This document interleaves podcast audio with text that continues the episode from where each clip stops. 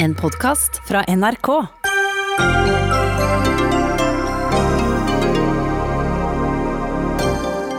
Den svenske forfatteren Jan Guillou tar et oppgjør med det han mener er norsk skadefryd. Og det gjør han her, i Dagsnytt 18. Har allemannsretten gått til hodet på folk?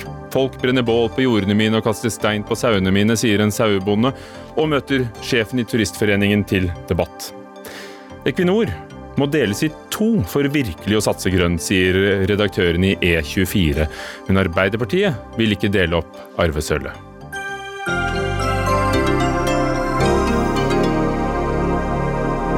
Velkommen til Dagsnytt 18 med Ugo Fermariello i dag.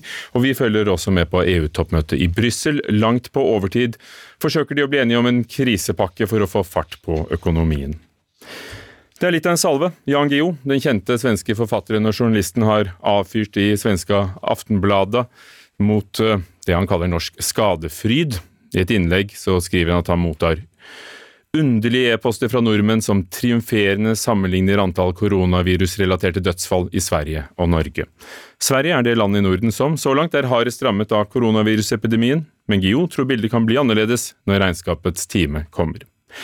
Jan Gio, du er med oss fra Jämtland der du er på ferie, ikke så langt fra ditt eh, tredje hjemland, som du skriver i Aftonbladet, altså Norge. Hva er det, hva er det folk skriver til deg fra Norge? Ja, man for en teknisk medisinsk bevisføring eh, til formål for Norges større skikkelighet og intelligens å håndtere eh, covid-19-viruset. Det er vel stort sett hva det går ut på. Og jeg er veldig forbluffet og, og litt sjokkert faktisk over den frøyd som brevskrivarna eller mejlskrivarna viser over dette forholdet. Men altså skadefryd, du mener det er det riktige ordet? Ja. Mm. Du er jo også kjent som en eh, kritiker av systemet, av samfunnet. Hva får det til å nå gå ut og forsvare dine myndigheters eh, handlemåte under denne epidemien? Nei, det gjør jeg ikke. Mer enn en jeg skulle i så fall forsvare de norske. Det er jo så at eh, det, dette er et ukjent virus for menneskeligheten fram til nå våre eksperter, som jeg formoder er like eh, gode og like velutbildede i nabolandene, håndterer det etter beste formåga. Medan et antall eh, journalister som jeg selv, framfor alt lederskribenter i liberal press og andre, viser seg være enda mer eksperter. og Det er, et, eh, det er jo et, ikke, det er et konstigt forhold. Men har du og dere i Sverige noen grunn til å påstå, som, som, du vel gjør i denne kronikken i Aftonbladet, at Norge og Danmark vil bli enda hardere rammet? For tallene så langt viser vel noe annet? Ja, nei, det, jeg, det sier jeg ikke at det vil bli, utan jeg sier at vi vet jo ingenting om dette. Altså, jeg vet like mye om framtiden som Norges statsminister, even om det ikke kan virke så. Uh, og det har jo talats om en andra våg. Det har tidligere pandemier av det här slaget haft. Nu lutar de svenske experterna og jeg antar også de norske mot at det ikke blir så. Men da var det et nytt forholdende som vi ikke kjente til. Astrid Mæland, kommentator i VG med oss fra Surnadal. Er vi nordmenn virkelig så hoverende? Jeg synes det er trist å høre at eh, Jan Guillou har fått så mange eh, e-poster fra ufyselige nordmenn, for jeg tror nordmenn flest synes det er trist å høre om de høye dødstallene i Sverige. Det er over 5600 døde i koronaepidemien i Sverige, mens Norge har 255. Og jeg tror mange nordmenn som skriver til Jan Guillou, og sikkert fra andre land òg, skriver for å kanskje prøve å overbevise ham om at det eh, finnes, tiltak mot korona som har vist seg virkningsfulle i andre land, bl.a. Norge, som de ikke har innført i Sverige. og Det kan være en av årsakene til at eh, dødstallene er så høye i Sverige, i motsetning til bl.a. Norge og Danmark og andre land. Gio nevnte journalistene. Kan vi gå i oss selv? Er pressen kanskje i Norge med på å skape denne skal vi si misforståtte landskampen i epidemien? Ja, jeg kan jo jeg leser vel Jan Guillaud sin kronikk som et ledd i den landskampen, må jeg si. Han eh, bringer ingenting nytt til torgs om koronaepidemien. Jeg tror faktisk Erna Solberg, vår statsminister i Norge, kan mer om korona enn Jan Guillaud. Det han skriver i sin kronikk er gammelt nytt og det er gjennomdiskutert. og um, det at vi får en ny bølge, tja um, jeg tror norske eksperter mer og mer begynner å helle mot at vi kan kanskje unngå å få en stor ny bølge. Det er jo det vi ser i andre land eh, med lav immunitet. At eh, de slår ned de nye bølgene som kommer, som kanskje heller er små blipp enn bølger. Um, så jeg tror at Jan Guillaud prøver å gjenopprette litt av Sveriges ære med det innlegget sitt. fordi han er jo ikke noe mer etymolog han enn eh, ja, andre journalister, og meg sjøl inkludert, da selvfølgelig. Er det det du gjør, Gio? Prøver du å gjenopprette Sveriges ære? Fordi landet har jo fått eh, gjennomgå i internasjonal presse. Nei, det er faktisk ikke hva jeg skrev. Jeg egnet hoveddelen uh, åt mitt resonnement til å forsøke å forstå våra, dö våra döda eh, till allra största delen eh, dog vår, inom vår åldringsvård. Och det beror på, enligt min mening, politiska orsaker och inte medicinska. Nämligen att vi har kommit mycket längre i Sverige, dessvärre, än i våra naboländer Norge och Danmark med att privatisera åldringsvården. Och det innebär en, eh, med en sorts ekonomisk självklar automatik kommer att få ett svagare medicinskt skydd för de intagna den, i den åldringsvården. Detta, detta är mitt resonemang kring de svenska eh, dödstalen. Men, men eh, jag kan ju inte undgå att observera med vilken förtjusning man i Norge tycks ha räknat svenska döda när det till och med går så långt att man är upprörd över att svenska samer uppe eh, uppe i Finnmark passerar den norska gränsen och att, detta, att man borde åtgärda detta. Eh, om våra grannar och vänner norrmännen börjar observera den typen av eh, svenska missförhållanden så finns det inga medicinska förklaringar till detta utan psykologiska och politiska psykologiske og politiske forklaringer. Ja. Og så har du da en, eh, et angrep på privatiseringen av eldreomsorgen i Sverige. Astrid Mæland, skadefri skadefrid er kanskje et riktig ord når det ikke er medisinske forklaringer, men, eh, men, men, men ja, folks handlemåte og ordbruk og ja, det som kan se ut som nettopp det?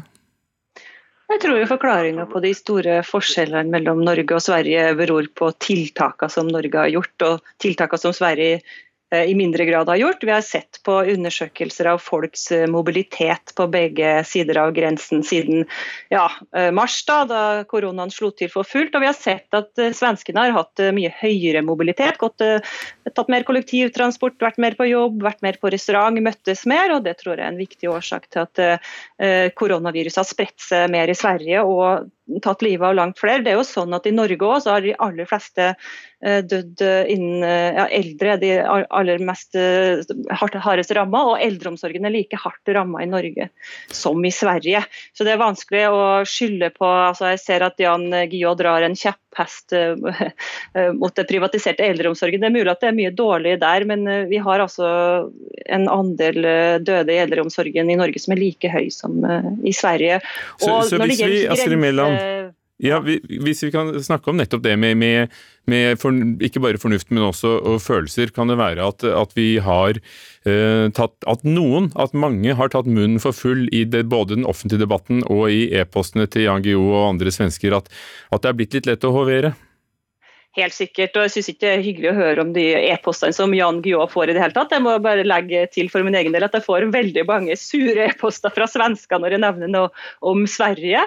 Men jeg syns det er bra at uh, også den svenske strategien vekker oppmerksomhet uh, i andre land. Bl.a. fordi at den svenske pressen var ganske uh, daff i begynnelsen med å granske sine egne myndigheter. Mens andre land har fattet interesse for Sverige nettopp fordi at det nesten blir som et, ja, et naturlig eksperiment, der vi har ganske like befolkninger, eh, ganske lik velferdsstat eh, og god folkehelse, så er det så stor forskjell på, på dødelighet eh, i den pandemien. Derfor blir det jo spesielt interessant.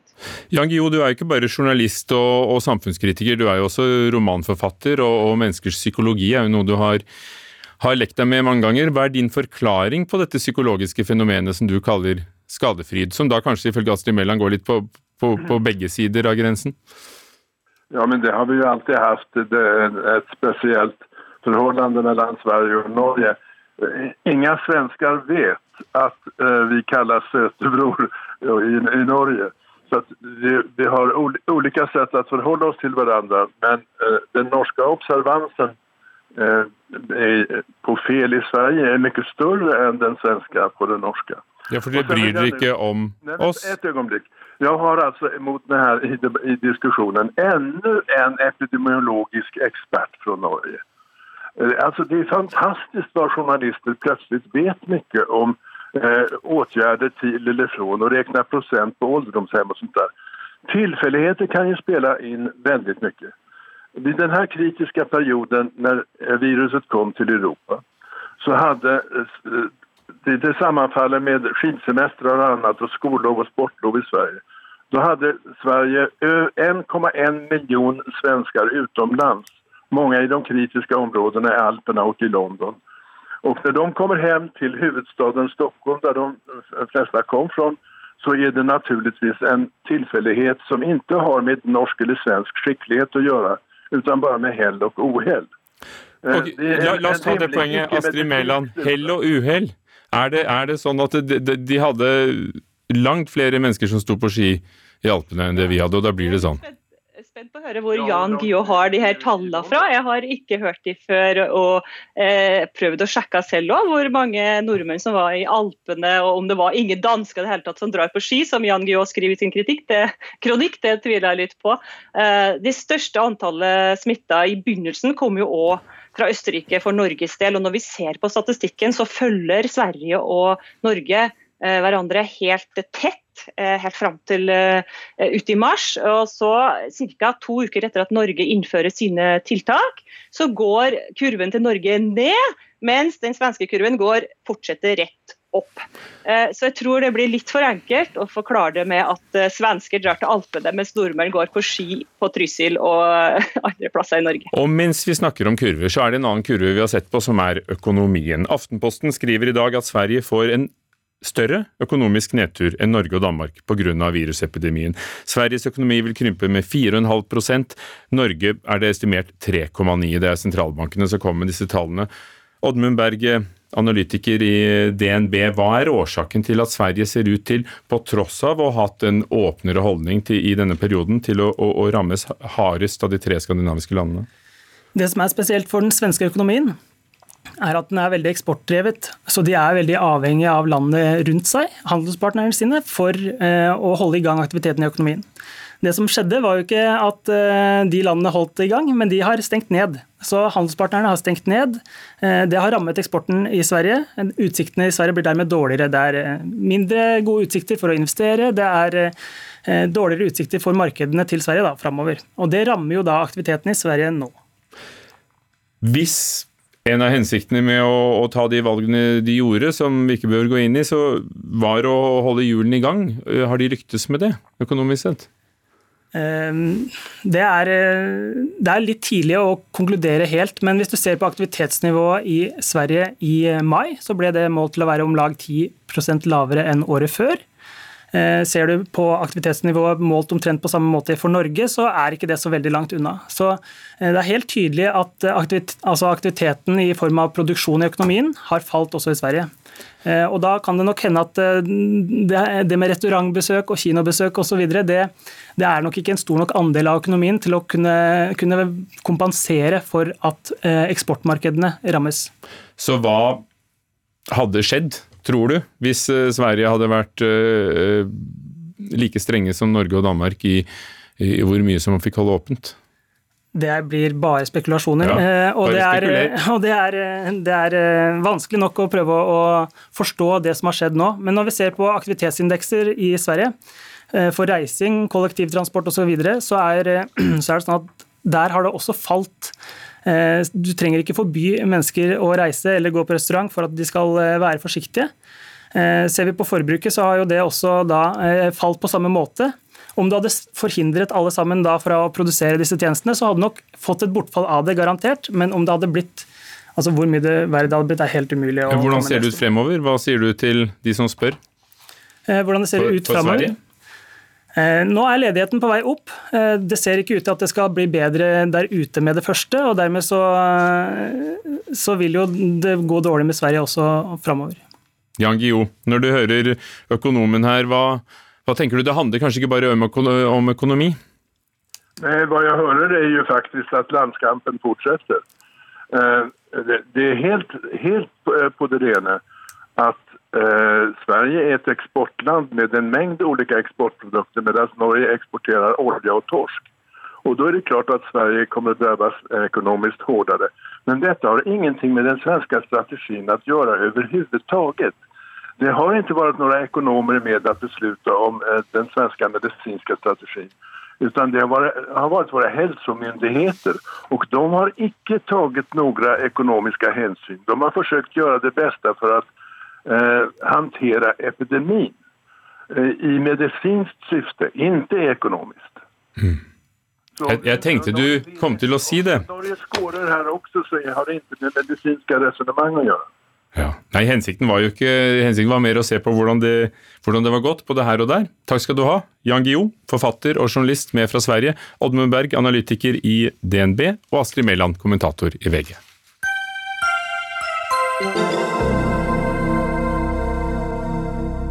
Over hele landet åpner utesteder eh, dørene igjen.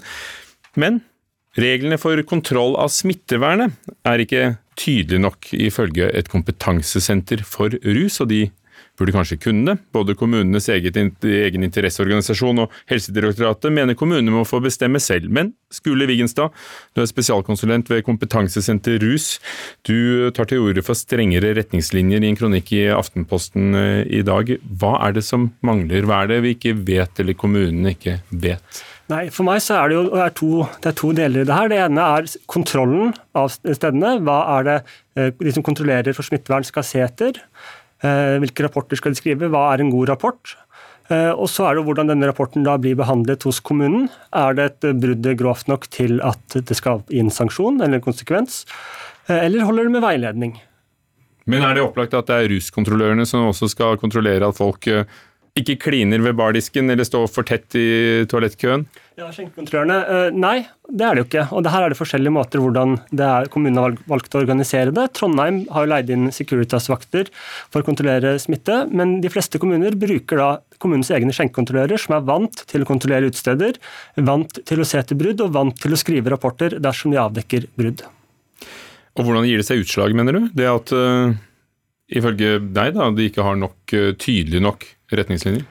Nei, jeg tenker jo da at Du ser at det har vært, kun vært inndratt bevillinger i Oslo. Eh, men jeg tror jo ikke at det ikke har vært noe særlig grove brudd i andre deler av landet. Det tenker jeg er nærliggende å tro når man ser hvordan media eh, skriver om dette. Så jeg tenker jo da at øh, om det ikke er det at det er skrevet gode nok rapporter, eller at kontrolløren ikke har fått tydelig nok retningslinjer på hva de skal se etter, og hva kommunene har fått instruks til å gjøre med bruddene. Noen har fått beskjed om å følge dem opp med veiledning, mens andre har nok tydelig beskjed om å, å sanksjonere steder. Vi har hørt om skumparty på et tak i Bergen på et utested, lange køer, slagsmål på Sørlandet, tyver i barskapet i Trondheim, men det er bare i Oslo at utesteder har mistet bevillingen. Helge Eide, områdedirektør i KS, kommunenes egen organisasjon. Kan det være tydelige nok retningslinjer når alt dette dukker opp i media? Jeg tror ikke at det er fravær av retningslinjer som er hovedutfordringen for uh, oppfølgingen av smittevernreglene på, på utestedene. Uh, uh, vårt inntrykk er at veiledningen som kommunene gir til utestedene er tydelig og god. Det er ingen spesiell tvil i utestedene om hvilke regler som gjelder. Enmetersregelen og de alminnelige hygienereglene som jo Helsedirektoratet gir veldig tydelige bestillinger på, de er forklart til utestedene overforstått. forstått. Hovedutfordringen er nok først og fremst at kanskje særlig på kveldstid eh, i, i, kommunene, i bykommunene, kanskje spesielt hvor de fleste utestedene ligger, så eh, synker den alminnelige respekten eh, og forståelsen for at disse reglene er fornuftige eh, og viktige. Så derfor tror Men, vi at... Unnskyld meg, Geide, da må det vel være kommunene som kanskje også er litt slepphendte i, i, kontrollen, fordi det at respekten synker utover kvelden, det, det er vel ingen nyhet? Nei, kontroll, Kontrollen er en viktig del av den samlede tiltakskjeden. Den aller viktigste tiltaket er at alle skjønner, folk flest skjønner at disse reglene er fornuftige. Det å bevare enmetersregelen, det å, å sørge for alminnelige hygienetiltak, det er viktig for å begrense og stoppe eh, smittespredelsen. Dernest er kontroll eh, viktig. Det er viktig at utestedene eh, samarbeider og følger opp reglene, og det er viktig at politiet sanksjonerer når det er snakk om alvorlige brudd på på ro og orden. Så det er den hele tiltakskjeden som eh, skal og må fungere eh, for at, at dette skal gi de varige resultatene. Vi opplever ikke at det er fravær av retningslinjer fra nasjonalt hold som er, er det som liksom, kommunene roper mest etter nå. Det er samarbeidet mellom den enkelte innbygger, utestedene, kommunene og ordensmakten som er det som skal til fortsatt for at vi kan bevare situasjonen så god som vi har til Skule Vigenstad. Ja, det begynner med folk selv. Ja, og der er jeg jo helt enig med Eide. at Hovedproblemet er nok at gjestene tar seg en del friheter. Og så blir spørsmålet hvilken, hvilke konsekvenser får det for utesteder som ikke følger opp det tydelig nok. Eh, men tror du det er retningslinjer? Kan det ikke bare være at det er manglende kontroll? Det er jo overskjenking selv om man har skjenkekontroll, men det med at det er klare retningslinjer, det er ikke det helt inntrykket jeg sitter igjen med. I, Tromsø var det bl.a. en debatt om det med bolservering, for Det er et krav om at alle steder nå skal ha bolservering, men der var det jo en diskusjon om bolservering om man da skal gå i baren og betale, og så gå og sette seg ved bordet og så få levert ølen, for da forsvinner jo hele poenget med bolservering bort hvis man likevel må opp og betale. Eller sånn som det er på mange steder i Oslo nå, at du bestiller øl fra bordet, gjør bestillinga der, betalinga der, og får servert ølen så du kan sitte stille hele tiden. Eh, jeg har også snakka med, eh, med, en del i Oslo kommune. Og De forteller at de får mange henvendelser fra også store kommuner over hele Norge, som er usikre på hvordan de skal eh, skrive rapporter, hvordan disse inndragningsvedtakene er fattet. Og Vi så jo også når Oslo var først ute med å lage retningslinjer for utestedene, så er det jo mange andre kommuner som bare har tatt og det er jo veldig bra at de gjør det, men de har tatt Oslo sine retningslinjer og, og bruker dem. Så det er jo åpenbart at mange kommuner, særlig mindre kommuner, som kanskje har en saksbehandler i 10 stillingsjobb med det her, har vanskeligheter for å lage egne retningslinjer og, og hjelpe utstedene og veilede dem. Helge Eide, det kan være mye forlangt av alle kommuner å sitte og tolke dette og gjøre dette altså Noen har da latt seg inspirere av Oslo og tatt de retningslinjene. Hvorfor ikke bare få på plass noen eh, nasjonale regler som gjør at det ikke er i tvil om hva som skal skje? Jo, det at er utstrakt uh, utveksling av praksis mellom kommunene er ikke noe unikt i dette tilfellet. Det, skjer på alle kommunale områder. Så det er bare bra at at andre kommuner ringer til Oslo, eller ringer til Kristiansand, eller Sandnes eller Bergen, eller hvem man måtte mene har særlig god kompetanse på dette, og spør om gode, gode råd.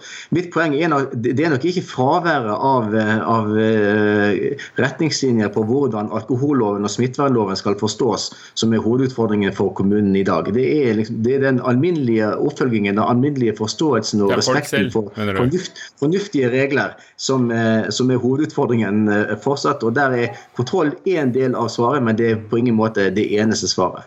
Espen Nakstad, en som har særlig greie på dette, er jo deg, assisterende helsedirektør. Dere står bak retningslinjene. Når du hører den diskusjonen, tror du de er tydelige nok?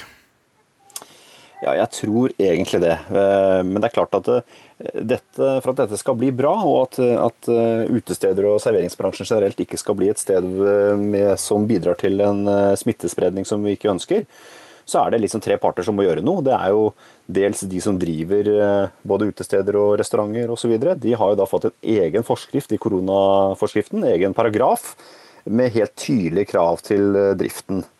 Og så mm, er det jo da sånn at eh, Tilsynsplikten til kommunene den er hjemlet i også denne covid-forskriften, koronaforskriften, paragraf 18. Og Der er det også henvist til smittevernloven at man kan iverksette flere tiltak. Men så er det også kundene, da som eh, har en rolle oppi dette her, og som også må spille på lag. Og det er klart at Her kan man peke litt på hverandre, men det vil nok ikke bli ordentlig bra dette her før både serveringsbransjen og kundene tar et ansvar, og kommunene følger det godt opp. Og Derfor så har vi sendt brev i flere omganger vi til kommunene via fylkesmennene. Og vi har også registrert denne forsøket på å tolke smittevernreglene i, i beste øyemed, kan man kanskje si, mellom Tromsø og Oslo. Men eh, disse tingene er egentlig ganske klare, så det er egentlig snakk om å, å rett og slett følge det opp.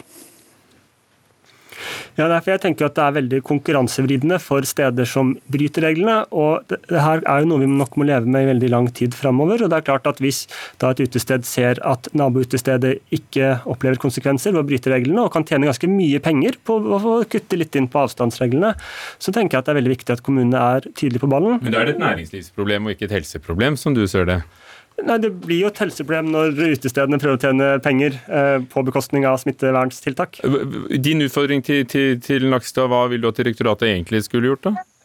Nei, De gjør veldig mye bra veldig mye riktig, det er det ingen tvil om. Men, eh, men, jeg hadde jo kanskje sett for meg at eh, det var litt tydeligere hvordan man skal kontrollere hvilke brudd som, er grove, hvilke, hva kommunene bør legge vekt på. Eh, og kanskje, som, som Eide også var inne på, en tydelig erfaringsutveksling på hvordan man skal fatte disse vedtakene. Dagstad, hvis det er sånn at det plutselig har oppstått da, skumpartys og, og tette køer, og noen steder kan du bestille i baren, ikke bare kanskje er det konkurransevridende, men det er tydeligvis et visst tolkningsrom. Hva med å ha noen strammere tøyler?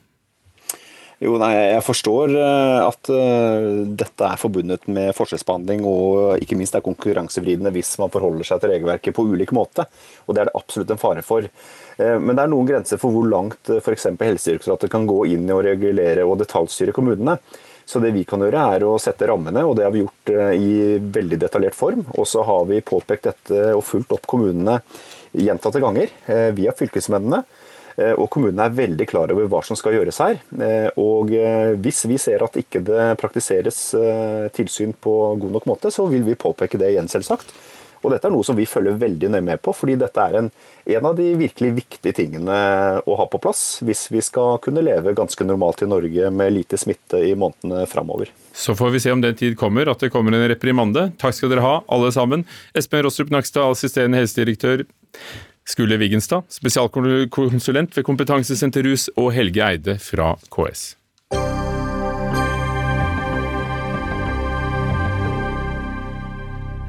Equinor, tidligere Statoil, bør splittes opp i to børsnoterte selskaper. En fornybar del og en fossil del, skriver redaktøren i næringslivsnettstedet E24. Og det høres jo kjent ut. Før helgen så satt vi her og snakket om Aker Kverner, som har blitt til Aker Solutions og Aker Horizons, og gjorde nettopp det. Kjell Inge Røkke la grunnen for fremtiden slik han ser det, og det fikk børsverdien til å stige ganske kraftig. Gard Michaelsen, redaktør i E24, hvordan kan du være sikker på at også Equinor ville tjent på dette, og da oss alle, da, for dette er jo i høy grad et statlig selskap fortsatt. Kan ikke være sikker, for da ville jeg vært kjemperik hvis jeg visste noe som helst om framtida. Men uh, det er iallfall en trend i tida at Aker gjør det. Uh, danskene gjorde det med Dong Energy, én i Norge er gjør det i Italia. Og mange gjør det og vil leve i en kapitalverden hvor det å hente penger til grønne selskaper er mye mer attraktivt enn å hente til såkalte skitne selskaper. Og Equinor kommer til å være Har skiftet navn fra Statoil til Equinor? Ja, det er en slags grønnvasking, men det er vanskelig å vaske et, olje, et oljetanker grønn innvendig fra innsida. Men hvis det viser seg da at la oss si den fossile delen som driver med olje, gass og lignende på, over tid vil, vil, vil synke mm. som en stein eh, etter hvert, og, og den andre vil eh, stige, så er vi kanskje like langt? Eh, det, det, kan godt være, men problemet er at det vil være vanskeligere å komme dit hvis man skal gjøre det innenfra fra et oljeselskap, fordi at du vil ikke få de samme vilkårene og samme kapitaltilgangen som et grønt selskap vil få. Mm. Espen Barth Eide, energipolitisk talsmann i Arbeiderpartiet. Fossilsatsing og fornybarsatsing, skille det mat, og så vil det gå bedre. Det sa børsen da Aker gjorde dette før helgen. Hva sier du? Hallo? Hei, hører du meg? Espen Barth Eide, er Hallo? du der? Espen Barth Eide? Mens Espen Barth Eide får oss på tråden, så spør jeg deg, Gard Michaelsen eh, i E24. altså Equinor har en del kompetanse som kan være nyttig for å bore etter olje, men som kan være veldig nyttig også hvis du skal lage f.eks. en havvindpark. Her er det snakk om å utnytte ressursene og, og, og bruke det vi kan allerede, til å gjøre noe nytt. Ja, og, og det er jo ikke på en måte, det er klart Equinor har veldig mye kompetanse, og det vil jo ikke være forbudt eh, å samarbeide med andre deler av ja, med andre selskaper eller datterselskaper eller andre selskaper for å bygge f.eks. havvindkraft. Eh, det er ikke slik at Equinor sin kompetanse er helt unik i verdenssammenheng. Det finnes um, mange andre selskaper og mange bedrifter som har mye av samme kompetansen. Og også i Norge. Mitt, mitt poeng er ikke at vi har fasiten i dag, men at politikerne bør diskutere det her. Vi har jo andre miljøer som kan mye om fornybar, f.eks. Statkraft. Vi tenkte å ta med regjeringen dette her, Olje- og energidepartementet eller stortingsgruppene til Høyre f.eks., men de kunne ikke stille. Men Espen Barth Eide, nå er du med oss, og du vet jo hva vi snakker om, selv om de kanskje ikke hørte alt. Energipolitisk talsmann i Arbeiderpartiet. Eh, hvorfor hører det hjemme i samme selskap også i fremtiden å ha både fornybar, vindkraft og oljeboring? Jeg syns at eh, mye av det Gard Michaelsen har sagt i denne artikkelen er, er klokt, og det er riktig at eh, gullalderen er bak oss, og det er viktig og riktig å tenke høyt om hva vi skal med Equinor fremover. Der jeg, følger jeg ham helt.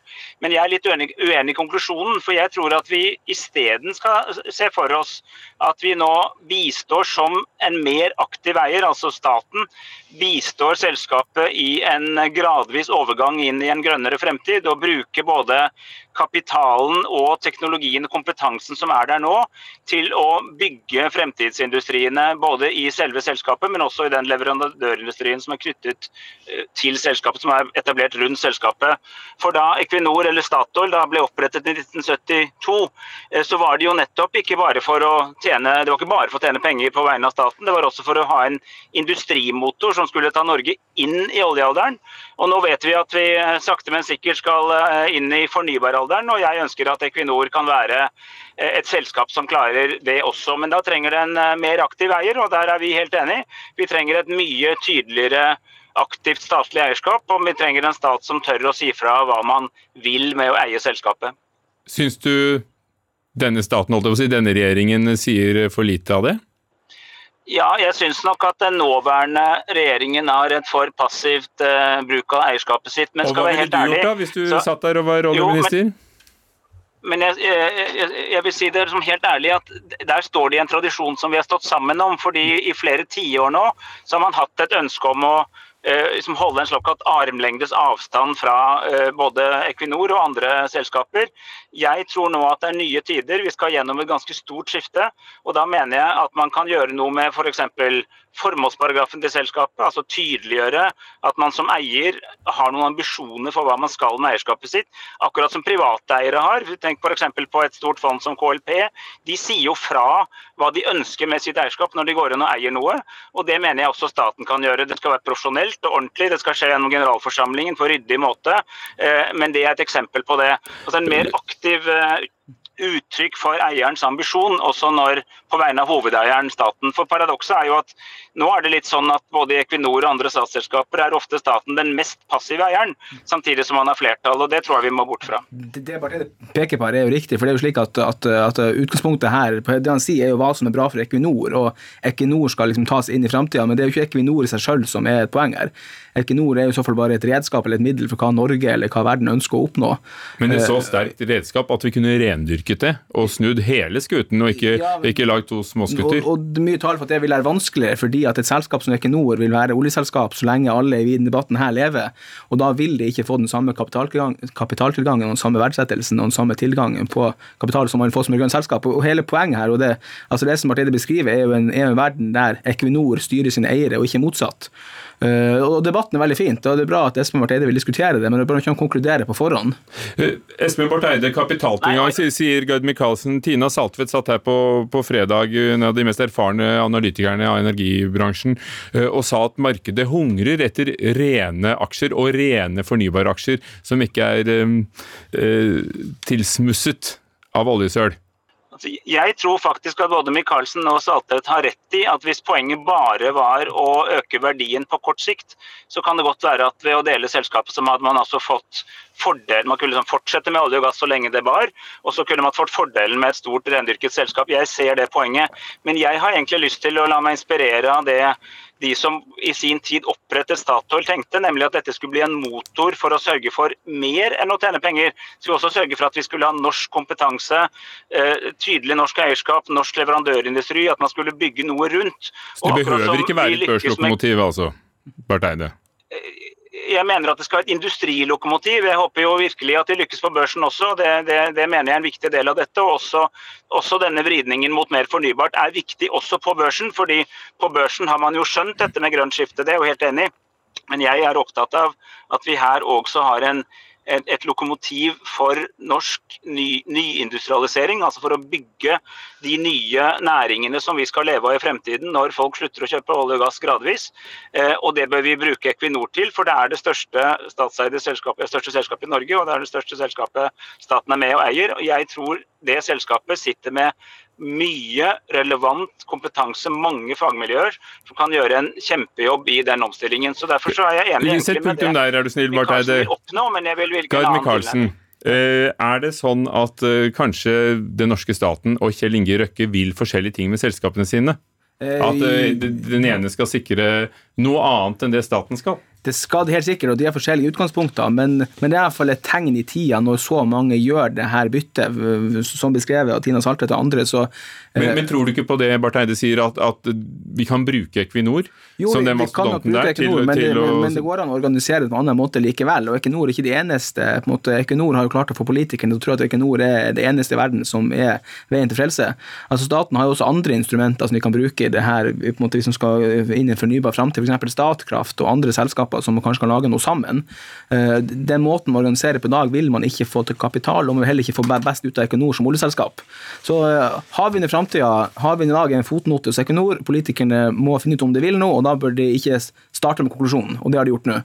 Eneste veien til frelse, kanskje ikke det, men uh, uansett. Takk skal dere ha. Vi kommer ikke lenger. Gard Micaelsen, redaktør i E24. Espen Barth Eide, energipolitisk talsmann i Arbeiderpartiet.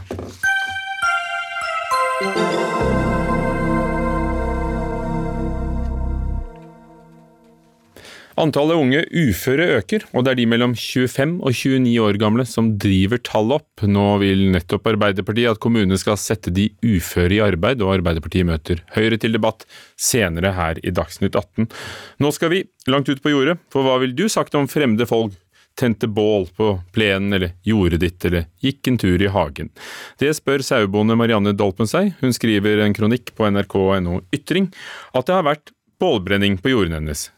Barn har kastet stein på sauene, og hundeeiere lar eh, hundene ferdes fritt i beiteområder. Marianne Dolpen, sauebonde i Rennebu i Trøndelag. Opplever du dette ofte? Nei, altså det varierer jo litt. Eh, det er jo ikke hvert år det er like ille. Og det der med de ungene, det er noen år tilbake, heldigvis. Allemannsretten har gått til hodet på noen, sier du. Hva, hva, legger du i det? Hva, hva, tror du det skyldes at, eh, at, du opplever det du opplever? Jeg tror det skyldes at eh, det ikke er nok eh, informasjon om det. For Vi får ikke informasjon gjennom media eller fra offentlig hold eller noen plass, egentlig. Det er bare sånn allment kjent sånn en at det er lov å gjøre som du vil i naturen og i kulturlandskapet. og det den loven innebærer jo en del plikter òg, ikke bare at du har rettigheter. En som eh, oppfordrer folk til å komme seg ut i naturen, er deg, Dag Terje Solvang, generalsekretær i Den norske turistforening. Eh, du har reagert på denne fremstillingen av, av nordmenn på tur i, i kronikken. Hva, hva, er det du mener ikke stemmer? Altså, først og fremst så skal vi ha respekt for at hvis Marianne Dolpen føler at eh, folk virkelig ikke oppfører seg, for det hun beskriver er jo bare dårlig oppførsel. Det finner vi i byer, og det finner vi stort sett overalt. Uh, og jeg kjenner meg ikke helt igjen i at det er sånn uh, norske folk oppfører seg i norsk natur sånn generelt. Og så sier jeg jo poenget med å sette det litt på spissen for å få skrevet en kronikk og for å belyse et tema. Uh, og det er et enormt viktig tema på så mange måter. og tursommeren 2020 er jo et spesiell tursommer fordi det er veldig mange nye ut i naturen. Men jeg vil kanskje si at det, det viktigste med eh, Marianne sin, eh, med sin eh, kronikk, er jo avslutningen hennes. At den naturen vi alle er så glad i, den skal vi ta vare på sammen. Så jeg, Det syns jeg er et utrolig viktig poeng, og det er jo det, det er den oppfordringen vi må gi. Men dere oppfordrer jo folk til å, å søke seg ut i, i, skog og mark. Er dere, blant andre, som, som, er med på å drive interessen vår til å gå ut, flinke nok til å fortelle oss hva allemannsretten er, hva det innebærer, hva, når det er båndtvag, hvor du kan gå, hvor du ikke kan gå? Altså, eh, gitt de, de, eksemplene som løftes frem i kronikken, så, så, gjør vi ikke en god nok jobb med det. Og Det tror jeg vi må, må, må ta inn over oss alle. Nå er Riktignok denne sommeren har vi en svær kampanje som Miljødirektoratet har tatt initiativet til. og samlet veldig mange ulike friluftsorganisasjoner, deriblant oss, til en stor kampanje om turvett. Det handler jo om ferdsel. Det handler om å kunne, som Marianne også trekker frem i kronikken, at allemannsplikten er jo vel så viktig som allemannsretten. Det eneste du legger igjen i norsk natur, er et takk du er takknemlig og har fått lov til å bruke den naturen, og ingenting annet skal legges igjen etter deg. Eh, og Du skal virkelig ta hensyn til de som lever av den naturen du beveger deg i, for den eies av noen. Enten en privat grunneier, eller en, eh, en allmenning, eller et statlig gjennom Statskog. Altså, og Det er viktig å, å ta hensyn til. Marianne Dolpen, ehm, og så skal man kanskje lukke porten etter seg når du har gått eh, gjennom en grind, sånn at ikke kyrne kommer ut eh, på riksveien. Marianne Dolpen, hva sier folk til deg etter at du skrev kronikken? Nei, Jeg har fått mange hyggelige tilbakemeldinger. Det, de fleste er faktisk fra østlandsområdet, Oslo og omegn. Andre bønder som har opplevd eh, noe av det samme? Jeg har ikke fått så mye tilbakemeldinger fra dem nå, men jeg la ut et spørsmål på ei Facebook-gruppe som kalles for Nettverk for kvinnelige bønder. Sånn for å forberede meg til det her i kveld. Og da har jeg fått 230 eh, tilbakemeldinger. Mm. Og der eh, er det ganske mange hårreisende ting som skjer. Altså det, det er folk som eh, ja, er på piknik på tunet til folk. De går rett gjennom fjøset. De tar seg inn på beite til dyra. Noen er faktisk nede og nødslakter dyr. for at folk slipper hunder eller de sykler så dyra blir redde og skader seg. Mener du at du har satt det på spissen, som Dag Terje Solvang sa? Nei, jeg har egentlig ikke satt det på spissen. Jeg har burt å sette det enda mer på spissen. For det, det finnes ganske mange alvorlige ting som foregår. Dag Terje Solvang, selv om det selvfølgelig kanskje ikke er de fleste tilfellene, så er det jo såpass alvorlig at vi kan jo spørre oss, og da spør jeg deg, eh, om vi har, har, glemt mye sånn vanlig sunn fornuft, eller bondevett. Eh, lukke grinda, ikke, ikke tenne bål, ikke la hunden ferdes fritt osv. i beiteområdet? Altså hvis, hvis, det var sånn at, at, alle oppførte seg slik som det beskrives, eh, og det er jo graverende å høre om så mange eksempler, og så er det jo over hvor lang tid disse eksemplene eh, kan vise til. da.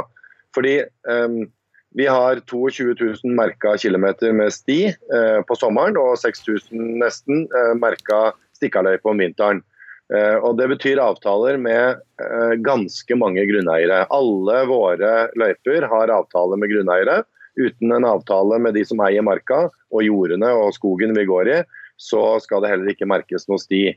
Eh, og Vi hadde jo fått flere tilbakemeldinger tror jeg, på uvettig ferdsel og bruk hvis dette var et så stort problem.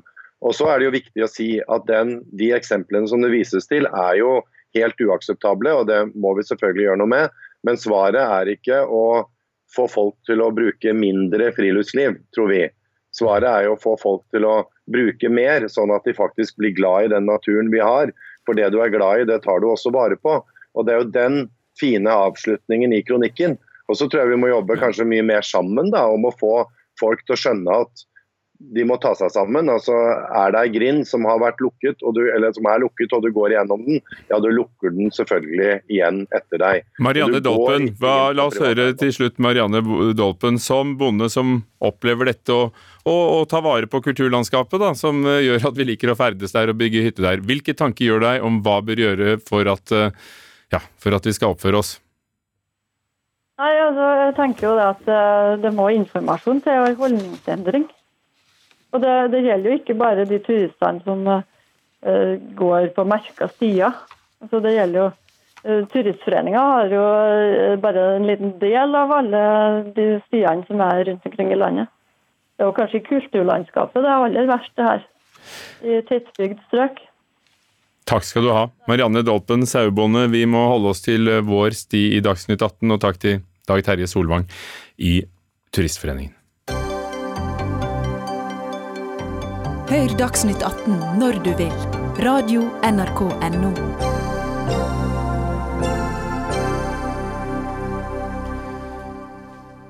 Så er de samlet for fjerde dag i Brussel. regjeringssjefene i EU for å forsøke å bli enige om den største krisepakken noensinne i unionens historie. 750 milliarder euro, 8000 milliarder eh, norske kroner. Og et kompromissforslag er kommet på bordet, for det handler om hvor mye skal gis som lån, og hvor mye skal bare gis. Elisabeth Donsum, eh, vår utenriksreporter eh, i Berlin, du, du følger med på EU-møtet, og hva har skjedd i dag? Det man tror har skjedd i dag, er at partene har kommet et godt stykke nærmere hverandre. Det skjedde etter lange forhandlinger i natt. De holdt på til klokka seks i dag tidlig. Men i og med at de var villige til å samles igjen i ettermiddag, nå klokka fire eh, skjedde det, så tror man at man begynner å nærme seg et forslag. Og kanskje godtar de dette kompromissforslaget som du nevnte, på eh, 390 milliarder euro. Eh, det man, man kan, det er et stykke unna det denne alliansen av eh, Nederland, Østerrike, Sverige og Danmark og også Finland ønsker. Men kanskje kan det være nok til at, eh, at de møtes. Altså Kompromisset går ut på å gi 390 milliarder som, eh, nei, euro som bidrag og, og, 360 som lån. Tyskland og Angela Merkel har jo overtatt formannskapet. og Hvilken rolle har hun inntatt? Ja, Angela Merkel visste vel lite i fjor høst om hva som kom til å vente henne denne våren. Eh, men hun er jo en kvinne som eh, har vært oppe i kriser før, og hun har tatt et tydelig lederskap. Og eh, selvfølgelig også det nære forholdet til Frankrike og Emmanuel Macron. At de samarbeider godt sammen og har kommet opp med dette forslaget. Som, skal, som, de nå sitter og forhandler om. Det er tøffe forhandlinger, men eh, kanskje kan det eh, endre livene til noen av de som eh, opplever krisen på kroppen. Men det er jo det, da. Her har du de store motorene i, i europeisk økonomi som gjerne ville vært mye rausere, og så får fem små land så mye å si. Hvordan kan det ha seg? Ja, I utgangspunktet så er det nok at ett land eh, setter seg fullstendig på bakbeina og eh, det, det, kan hele, det, kan velte hele, forslaget. Men klart at det, det tar seg ikke ut eh, at EU skal overkjøre sine egne medlemsland. Så det er viktig at man står samlet om en sånn avgjørelse. Og Dette blir også på en måte sett eh, på som en slags test for hele EU-prosjektet. Det står om EUs eh, legitimitet. Takk skal du ha. Og den sitter de og avgjør nå. Elisabeth Onsum, eh, europakorrespondent for tiden eh, i Berlin. Olav Skjenn, kapitalforvalter hos Storebrand kapitalforvaltning. Ja, hvordan følger dere med på det som skjer i Brussel? Vi følger det veldig tett eh, og nøye eh, med tanke på den krisen den eh, europeiske økonomien er i. Nå har jo allerede sentralbanken kommet til unnsetning, men det som det står på spill her nå, som du sier, er jo fordelingen av lån versus direkte overføring. Dessuten tror jeg det markedene følger med på, er altså den usikkerheten som det her skaper, da, og kanskje mer de langsiktige trekkene med tanke på integrasjon av hele euroen samarbeidet. Men hva vil det bety da å få 750 milliarder eh, euro sprøytet inn i europeisk økonomi? Det vil jo helt klart eh, stimulere økonomien, som er eh, nede etter koronakrisen. Jeg tror det er ca. 5% av BNP som det er snakk om nå, fordelt over et par år. og Det vil helt klart bidra til å løfte aktiviteten videre, som vi har sett har ligget nede, men som er i ferd med å bedre seg noe med gjenåpning. Og det her er supplert sammen med sentralbankpolitikk, som jeg nevnte, vil jo bidra til å løfte aktiviteten eh, videre. Men det som også er viktig da, her, er jo de, de, langsiktige tingene. Man har jo ofte statsgjeldskrisen i bakhodet når det gjelder krisepakker, både når det gjelder Hellas eller andre land, eller de land som motsetter seg dette her. Det her har jo litt med integrasjonen eh, å gjøre eh, også. Så man vil jo også bruke en krise til noe, eh, til å på en måte eh, gjøre noen strukturelle reformer. Og, der tror jeg eh, der slaget står litt også, for å insentivere til grønne investeringer eller andre type strukturelle reformer som vil føre til at eurosamarbeidet blir bedre fremover også. Det har også vært snakk om politiske krav som at medlemslandene skal følge visse rettsstatsprinsipper. altså å Bruke det som et politisk verktøy. Som fra en finansmanns side, fra børsenes side, er det positivt, eller gjør det det vanskelig? Det er positivt, eh, fordi det vil skape mer stabilitet. Vi så jo hvor turbulent og eh, hvor mye kaos og uro det skapte i 2012, eh, da ting var mye mindre på plass og ikke testet med tanke på krisesituasjon. Og da var det mange som stilte spørsmålene om euroen hadde fremtiden for seg. Absolutt. Gjør var... folk det nå? Nei, jeg tror ikke det. fordi jeg tror de som følger med såpass tett som vi gjør, så snudde det med whatever it takes-talen til Draghi, som den gang var sentralbanksjef, at han virkelig ville ha og beholde euroen gjøre alt som trengte. Så jeg tror ikke det er det står på nå. Det, det som det står på nå, er mer en integrasjon av eurosamarbeidet fremover. Og bærekraften når det gjelder hvor høy statsgjeldsnivå man kan ha eh, i et sånt samarbeid med flere land og flere budsjetter å forholde seg til. Men EU må jo uansett hente inn disse pengene. Eh, er det er det populært? Er det eh, populært å gi disse lånene til EU? Det er litt sånn nybrottsarbeid. Det var det som man diskuterte i 2012 også. Hvorvidt man skulle ha så, såkalte felles statsobligasjoner, felles gjeld, felles garanti for gjeld. Og Det er det man prøver nå også, hvor eh, hele EU står som garantist for gjeld som er utstedt da fra, fra hele EU, og ikke hver enkelt lands eh, stat og som kreditor. Men uansett, et kompromissforslag vil finansmarkedene reagerer positivt på det? Det er absolutt positivt, og spesielt hvis eh, det er mer snakk om overføring og mindre lån. Takk skal du ha, Olav Skjenn i Storebrand kapitalforvaltning.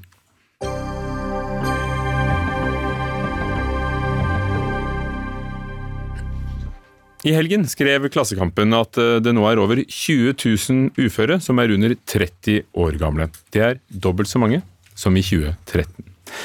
Og dette er tall som kommer fra Statistisk sentralbyrå, og en utvikling som bekymrer dere i Arbeiderpartiet. Nils eh, Kristen Sandtrøen, stortingsrepresentant for Arbeiderpartiet. Hvor mener du og dere at det gikk galt? Det er jo et uh, stort felt, men hovedsaken er i hvert fall at veldig mange unge som uh, fortjener og har lyst til og har muligheten til å jobbe, i dag i stedet for havner på uføretrygd. Og Det er jo et stort problem både for enkeltmenneskene, men også for hele fellesskapet. som Nettopp. virkelig trenger ressursene. Hvor mener dere at det gikk galt? Hva, hva kunne vært gjort for å forhindre det? Det vi vil gjøre, det er å sørge for at alle unge som står i fare for å ramle utafor, får rett på aktuelt eh, arbeid. Sånn at hvis du er ung og er i faresona, kanskje du har en lettere psykisk utfordring, du har andre ting som gjør at du ikke får fullført utdanning med en gang, så vil du ha krav på å få aktuelt arbeid i kommunen du bor. Og Det er viktig av flere årsaker. Den aller første det er at vi vet at i starten når ungdom er litt syke, så vil den første lille eh, stillinga kunne hjelpe dem til å bli litt friskere, og Da kan man få litt mer arbeid, litt mindre medisinering, og så er vi på en positiv kurs. Heidi Nordby Lynde fra Høyre, du sitter også i arbeids- og sosialkomiteen på Stortinget. Hvorfor er det så mange uføre i Norge nå? Det spørsmålet er det flere, flere, svar på. En av de gode nyhetene, eh, eller goddårlige nyhetene egentlig, er jo at eh, grunnen til at vi ser den kraftige økningen av unge uføre, er fordi at barn med alvorlige misdannelser og sykdommer i dag lever opp til å fylle 18 år, og derfor får innvilget uføretrygd, slik de bør gjøre i velferdsstaten Norge. Det er den ene siden av det. Så hvis vi holder de litt utenfor eh, arbeidslinja, som Arbeiderpartiet her trekker opp, så utgjør de den kraftigste delen av det. For, for det er vel sånn at det er noen mennesker som, som ikke kan arbeide, og da Tar vi hensyn til det? Ja, og de skal absolutt ha uføretrygd hvis man er født med en alvorlig sykdom eller er alvorlig skada. Så dem, dem, holder vi utafor. Okay. Da, ja, da, da, fortsetter vi etterpå. Heidi Nordby Lunde. Og så ser vi også at vi har gjort flere endringer i både eh, for å senke tersklene inn i arbeidslivet, men også å gjøre noe med de sosiale ytelsene som kan bidra til å holde folk utenfor arbeidslivet. Som f.eks. da i ordningen for arbeidsavklaringspenger, hvor vi ser nå at de som mottar dem, får raskere og tettere oppfølging. og det gjør også at de får raskere raskere avklaring. Enten at de går inn i tiltak eller arbeid, eller at de faktisk da får uføretrygd fordi de er uføre. Så du, så du mener at før denne omleggingen for et par år siden av arbeidsavklaringspengene, så, så var det mennesker som var i samme situasjon som i dag, men, men, de het ikke uføre på papiret? Ja, det har vi faktisk tall på, for vi ser nå at andelen på arbeidsavklaringspenger går ned, mens andelen på uføretrygd faktisk eh, øker. og Det tror vi kommer til å holde seg sånn over flere år, mens vi justerer nettopp denne ordningen. Men så kommer vi til hva gjør vi da med de unge som skal inn i arbeid. og Der har jo Nav hele tiden hatt forsterkede midler og hatt en ekstrasatsing for, eh, for unge. Det jeg syns er så synd, da, er at vi så jo eh, før koronakrisen at vi hadde historisk lav arbeidsledighet i, i Norge. og Ifølge Navs årsrapport så begynte de tiltakene regjeringen har satt i gang i forbindelse med inkluderingstiltakene, nei, inkluderingsdugnaden, å fungere. Og Det betyr at flere, uavhengig av alder, har faktisk kommet inn i arbeid fordi at man har satset på å få de som har stått utenfor arbeidslivet, inn i det. For Regjeringen har jo faktisk satset på den medisinen du foreskrev, eh, Sandtrøen. Det har vært et garantitilbud for unge arbeidsledige. Det har vært en inkluderingsdugnad. Mange fine ord, det er helt riktig. Det er god retorikk, men vi etterspør nå praktisk handling. Og Det er da problemet kommer i den store økninga. For tallene viser jo at det nå er 20 000 ungdom som er uføre. Det er faktisk så mange personer så det tilsvarer innbyggertallet i fire hele middels store kommuner i Norge. Og Det er den økninga som er problemet her. Og Det er da vi mener at vi kan ikke ha et system som gir opp Kan noe være forklart av nettopp omleggingen av arbeidsavklaringspenger? Folk kommer enten da fortere i arbeid eller fortere i, i en uførestatus fordi saksbehandlingen går raskere. Og... Men da er vi helt uenige med Høyre hvis de mener det er riktig at 20 000 ungdommer i Norge skal være uføretrygda. For problemet Problemet er at hvis du havner på uføretrygd som 18-åring, 19-åring eller litt opp i 20-åra, så vet vi at du gjerne blir uføretrygda for resten av livet. Og Det mener vi er helt feil, at vi har et system som skal gi opp mange tusen ungdommer i Norge. For arbeid det er ofte den beste medisinen til å få en bedre hverdag for alle dem som har lyst og mulighet, og som faktisk har ressurser til å bidra en del. Og Det er dem vi vil hjelpe. Er du uenig i det? Og Jeg er helt enig med Arbeiderpartiet her. Bare synd at de har stemt mot alle endringer som vi har foreslått i bl.a. arbeidsavklaringspengerordningen, som ble kalt et rullebånd ut av arbeidslivet da vi arvet den ordningen i 2013. Vi har måttet gjøre helt nødvendige endringer som har vært kontroversielle. Jeg har vært i dette studioet og diskutert det mange ganger. Nå begynner vi å se resultater av det. Og jeg er helt enig med Sandtrøen i at det er veldig uheldig om en 18-åring da havner på en passiviserende trygd. Derfor endret vi også eh, på arbeidsavklaringspenger til unge under 24 år. At eh, den inntekten de får, som tidligere var høyere enn jevnaldrende i arbeid eller utdanning fikk, nå faktisk eh, harmoniseres med bl.a. kvalifiseringsprogrammet.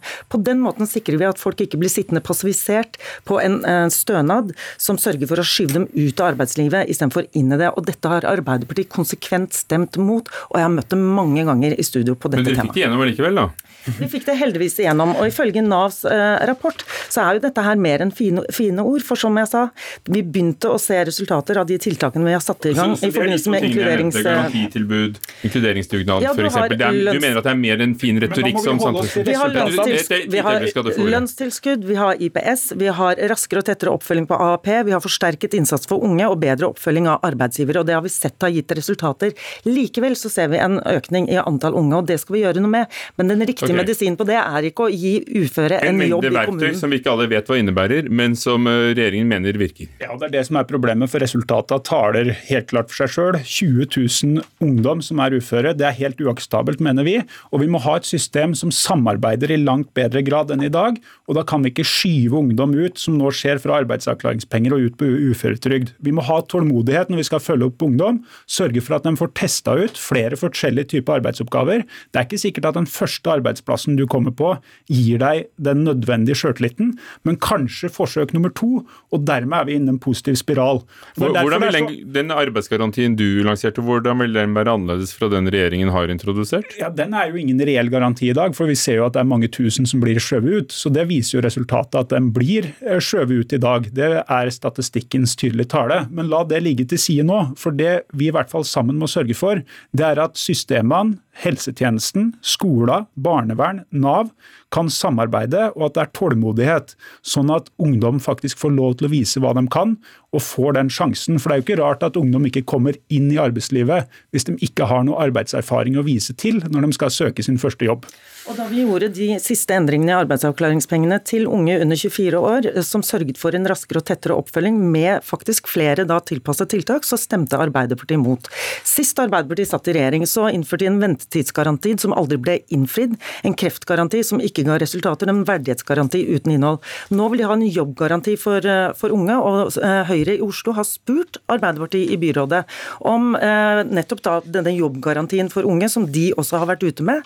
Og vi har fått det skriftlig fra byrådet i Oslo at eh, dette her er ikke en jobbgaranti. De kan ikke garantere for arbeid til unge under 24 år. Mens det Høyre faktisk gjør, er å tilpasse og målrette de tiltakene til denne gruppen, som vi nå ser resultater av. Og I tillegg så må vi selvfølgelig da sørge for at vi har et næringsliv som tilbyr arbeidsplasser til uh, både unge og de andre som skal inn og inkluderes i arbeidslivet. dere blir ikke enige i dag om riktig medisin og akkurat hva som ligger bak tallene, men takk skal dere ha. Heidi Nordby Lunde fra Høyre, Nils Kristen Sandtrøen fra Arbeiderpartiet. Siri Finnemar Moen var ansvarlig for det hele i Dagsnytt 18. Eli Kirkebø teknisk ansvarlig. Ugo Fermariello programleder. Du har hørt en podkast fra NRK. Hør flere podkaster og din NRK-kanal i appen NRK Radio.